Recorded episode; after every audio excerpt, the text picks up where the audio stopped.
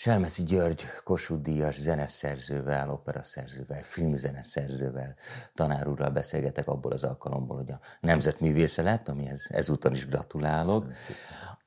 Azt a kérdést nem fogom föltenni, hogy mit érzett, amikor fölhívták, de azon gondolkodtam, hogy azt megkérdezem, hogyha hát visszarepülnék, nem tudom, néhány száz évet, és akkor adnának ilyen díjat, akkor biztos járnak hozzá, hát nem tudom, néhány falu, vagy, vagy, vagy néhány vármegye, hogy az, az, azzal mit kezdene? Hát azt hiszem, hogy, hogy nagyon szép gondolat, de azért mégiscsak az jutna el, elsősorban eszembe, hogy a zeneszerző néhány száz évvel ezelőtt tulajdonképpen szolga volt.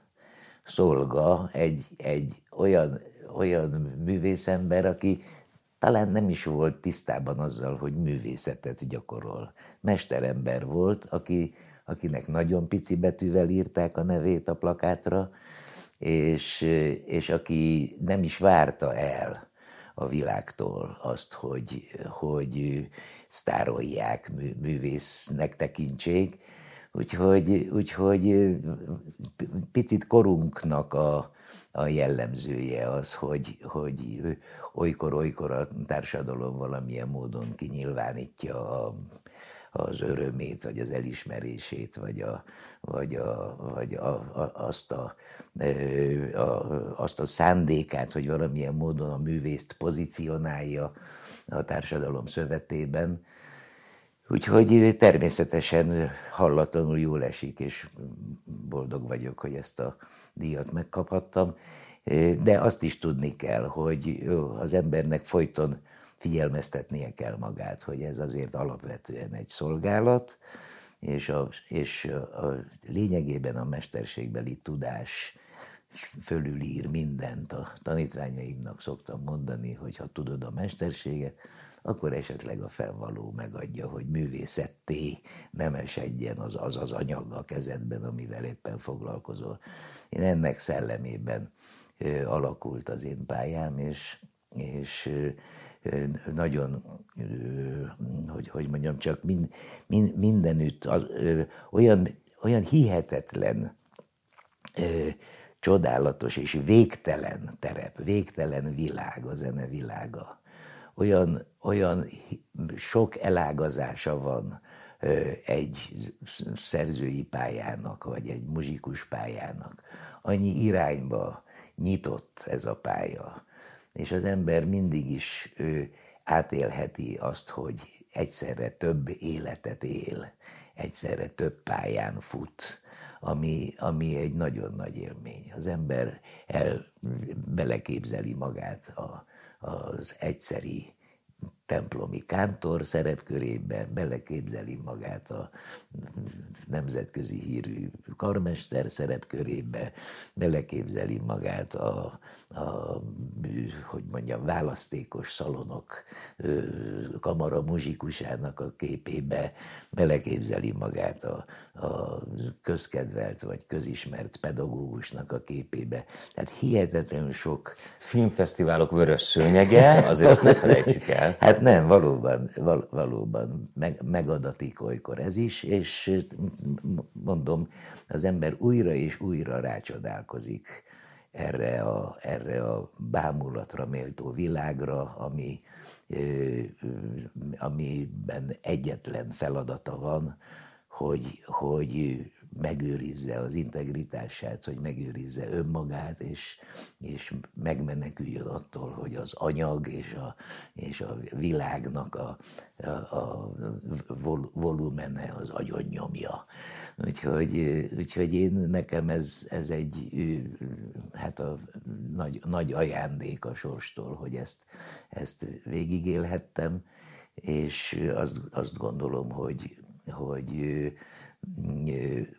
némi, némiképp korszerűtlen képem van a zeneszerző mi voltomról, de én nagyon erős, nagyon vállalom. Ugye az ember, ha zeneszerző, akkor tulajdonképpen szoktuk mondani ezt a játékos dolgot, hogy hogyan tanítsunk meg egy gyermeket zongorázni. Ugye mi, mi a teendő? Adjunk neki egy zsák billentyűt, hogy rakja össze a klaviatúrát, vagy adjunk neki egy klaviatúrát, hogy válogassa ki a neki megfelelő billentyűket. Mind a kettőnek nagy igazsága van. És egy kicsit így, is, így van a szerzővel is. Mit szeretne tenni? Szeretne belehelyezkedni a zenetörténet nagy folyamába, és szeretne része lenni ennek a, ennek a fantasztikus folyamatnak, vagy pedig szakítani akar ezzel a folyamattal, és, és vátészként megjelenni szem, szembeszállva, lobogó hajjal, hősleg szembeszállva a, a zenetörténet nyomásával. Tehát igazából ezeknek a dilemmáknak a mentén éli az életét egy szerző, és, és valóban csak azon múlik, hogy, hogy, hogy mondjam, eléggé felvértezette tudással, szaktudással, manuális tudással, métiével, ahogy franciásan mondjuk. Ugye, hogyha ezzel eléggé felvértezett, akkor elvileg érkezhet az a sugallat, és, és az, a, az a késztetés, hogy az ember valamilyen módon a művészet birodalmába belépjen. Ma rengeteg mindent nevezünk ma művészetnek. Ugye néha kacagtató, hogy ki mindenkit tartunk művésznek, és hogy mi, micsoda, micsoda szörnyűséges produktumokat utalunk a művészet kategóriájába. Ugye inflálódott a, a művészet fogalomköre, és hát ezzel egy picit nehéz együtt élni, különösen ugye a, az én pályámon, ahol, ahol számos örömteli időszak volt, nagy, nagyszerű, hogy ilyen, ilyen pocsék szót használjak, nagy, nagyszerű konjunktúrák alakultak ki bizonyos törekvések számára, ezek odavesztek. Én legalábbis most, most így élem meg, ez, ez az egyetlen, ami az, az a fajta kontraszelektív, művészeten kívüli szempontrendszer, ami elkezdte uralni a korszellemet, az tőlem idegen. De ez nem jelenti azt, hogy nem próbálok belehelyezkedni, és nem próbálom magam kis harcait megvívni. Úgyhogy, úgyhogy azt gondolom, hogy, hogy, hogy mondjam, felemelt fővel állhatok most itt. Hmm. Az nem volt gyanús, hogy valaki ennyi mindenhez ért? Tehát hogy lehet, hogy az valaki egyházzenét is ír, de operát is, de ugyanakkor filmzenét, és akkor ott van még hát az egész új zene. Ugye valaki Bulesz tanítvány, és a Miskolci új zenei műhelyt megalapítja, és elmegy ebbe a furcsa műfajba, ami nagy, amiben nagyon sokan lubickolnak, de ők általában abban vannak benne, és nem nagyon kirándulnak másfelé. Hát ez, ez valóban köszönet ezért a kérdésért, mert ez, ez tulajdonképpen az én életem regényének a foglalata, amit, ami itt most a kérdésben benne foglaltatik.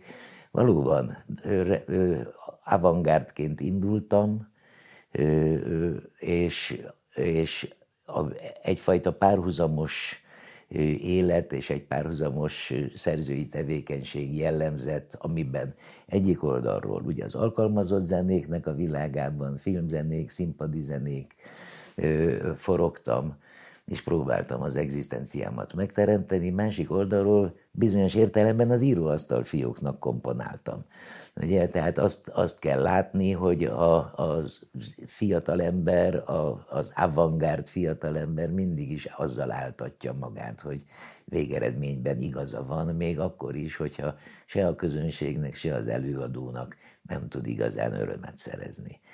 De ezt át kellett élni, és azt kell mondanom, hogy nagyon-nagyon sokat profitált a későbbi érettebb munkásságom nagyon sokat profitált abból, hogy én avantgárdként, neo-avantgárdként végig csináltam azt, ami hát ugye több, több mint 300 művet mutattam be a pályatársaim kompozícióiból.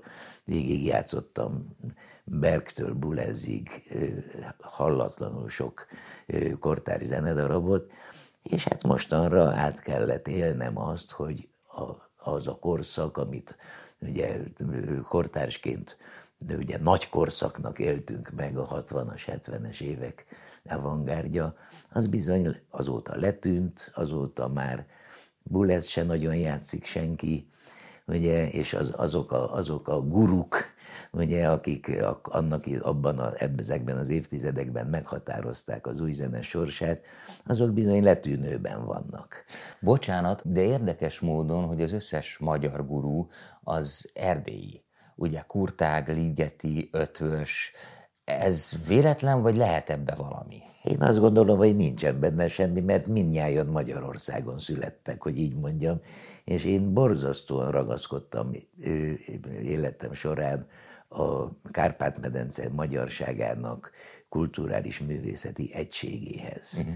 Én nem szeretem ezt az erdélyezést, nem szeretem, nem, nem szeretem azt, hogy, hogy, a, hogy a, megpróbáljuk a, az erdélyi sajátosságokat artikulálni, anélkül, hogy észrevennénk azt a, azt a bámulatra méltó egységet, amit, a, amit az anyanyelv, a közös hagyomány, a, a közös kulturális tradíció jelent.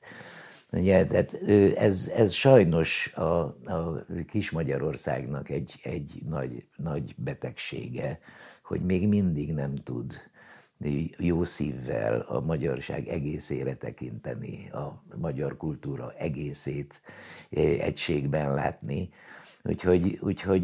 De mi lehet ennek az oka? Lelkiismert furdalás? Bűntuda? Hát sajnos azt kell mondanom, hogy a háború utáni évtizedeknek a pusztítását ö, ö, nagyon nehezen heveri ki a magyar szellemi élet és általában a magyar élet. Ez a, az a 40 év az alkalmas volt arra, hogy, hogy olyan késztetéseket, olyan szinte pavlovi reflexeket építsen be a, a magyarságba, amelyeket hihetetlen erőfeszítéssel tud csak levetkőzni. És má, mái napig is folyton találkozunk olyan visszás jelenségekkel, amikben, amikben ö, ö, meg, megnyilvánul ez a fajta belső idegenkedés. Ugye állítom, hogy, hogy ugye végeredményben a, a, a magyar intellektualizmus megosztottsága is bizonyos értelemben a Trianont követő világnak a, hozadéka, ami aztán hihetetlen mértékben mélyült el a második világháború után. Ma már van néhány nagyszerű elme, aki pazarul világít rá arra, hogy a, hát hogy úgy mondjam, a kommunizmus kártételeire, vagy, vagy de, tehát, mondjuk a mentális kártételekről beszélek alapvetően. És, és hát ez, ez, ez, ez egy harc, amiben, amiben ugye akkor, amikor valamikor a 80-as évek végén szembe került, ugye nem, nem csapongok, tulajdonképpen kapcsolatban van az eddigiekkel, amikor a 80-as évek végén szembesültünk azzal, hogy az a zenei nyelv és az a zenei intonáció, amivel megjelenünk, az nem kell a közönségnek sem, sőt, a magunk az előadók is idegenkednek tőle. És akkor elkezdődött egy visszakeresése annak a zenetörténeti fonálnak, amit el, eldobtunk annak idején azzal, hogy új világ keletkezik, nincs rá, nincs rá már szükségünk. Ugye? És akkor, e, akkor azzal szembesültünk, hogy hát megpróbáltuk beleképzelni, én magam is egy ilyen visszaforduló pályát futottam be. És ugyanakkor meg mély empátiával figyeltem azokat a pályatársakat, akik már felépítettek egyfajta életművet abban a, a ugye az avantgárd dimenziójában, vagy a neo-avantgárd dimenziójában, nem várhatom el tőlük, hogy kikukázzák az, éle, az eddigi életművüket. És egy picit ugyanez a helyzet nagyban is ugye azt látjuk, hogy, hogy sok mindenkinek az élete ezekben az átkos évtizedekben teljesedett ki, és teljesen fölösleges dűvel vagy felháborodással fordulni azokkal a, késztet, azokhoz a késztetésekhez és jelenségekhez, amelyek ebből a, ezekből az évtizedekből származnak. Tehát picit, hogyha több empátiával fordulnánk egymás felé, akkor egy kicsit gyorsabban haladhatnánk abban, a, abban hogy levetközzük ezeket az automatizmusokat, amelyeket a kommunizmus ránk kényszerített. És ezt a művészetek terepén is mindenütt érzem. Ide értem a színházművészetet, a filmművészetet, a, a, a, a, nagyon, nagyon sok minden bizonyos értelemben még a képzőművészetet is. Tehát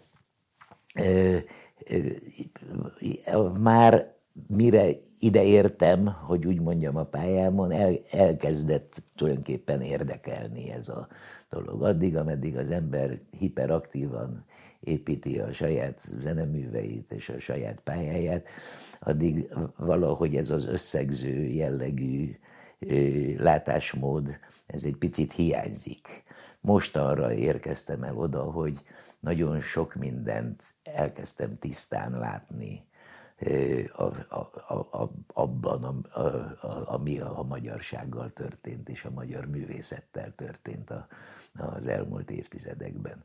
És nagyon, nagyon itt volna az ideje, hogy, hogy az a végtelen mennyiségű teoretikus, amelyik ellepte a magyar művészeti életet, hiszen lassan többen vannak azok, akik, akik magyarázzák a művészetet, mint akik csinálják, Úgyhogy ha az a végtelen számú teoretikus végre valóban azzal foglalkozna, hogy, hogy, hogy tisztába tegye ezeknek az éveknek a, a szociológiáját, a kultúrszociológiáját, a történeti, pszichológiai jelenségeit, akkor, akkor előbbre tartanánk valószínűleg, és kevésbé kevésbé, har, kevésbé egymással harcolnánk, mint, mint, mint inkább ugye mondjuk szajkozzuk azt, hogy a tradíció, a tradíció, a tradíció. De, de még mindig nem látjuk pontosan tisztán, hogy hogyan a tradíció, a tradíciónak melyik része, milyen mozzanatai. Ugye? Tehát a, ez, ez rettenetesen lényeges volna, és én az egyetemi munkámban is mindenben erre törekszem, hogy, hogy ezek az újabb generációk, akitől én rettenetesen sokat tanulok. Én ugye azóta, hogy tanulmányaimat befejeztem, szinte azonnal a tanítványaimtól kezdtem el tanulni mert a legtöbbet tőlük lehet tanulni, a fiataloktól, az egyre fiatalabboktól, ugye, és mindig, mindig egy más konstelláció jön létre, mert mindig, én mindig idősebb vagyok, és mindig új és új fiatalok jönnek, tehát mindig egy más távolságot mérek le azzal a képzeletbeli mérőszallaggal, ami, ami ugye a kettőnk kora és kettőnk mentalitása között van. Tehát ez egy, azt kell mondanom, hogy, hogy még élvezetes is. Hm.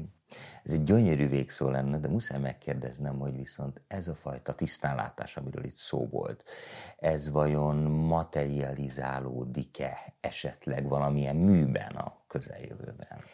Hát talán a művekben is materializálódik különböző terepeken, ugye itt zárójeleket nyithatok, hogy például milyen fontosnak látom a, a kortárs magyar egyházzenének a megújulását, uh-huh.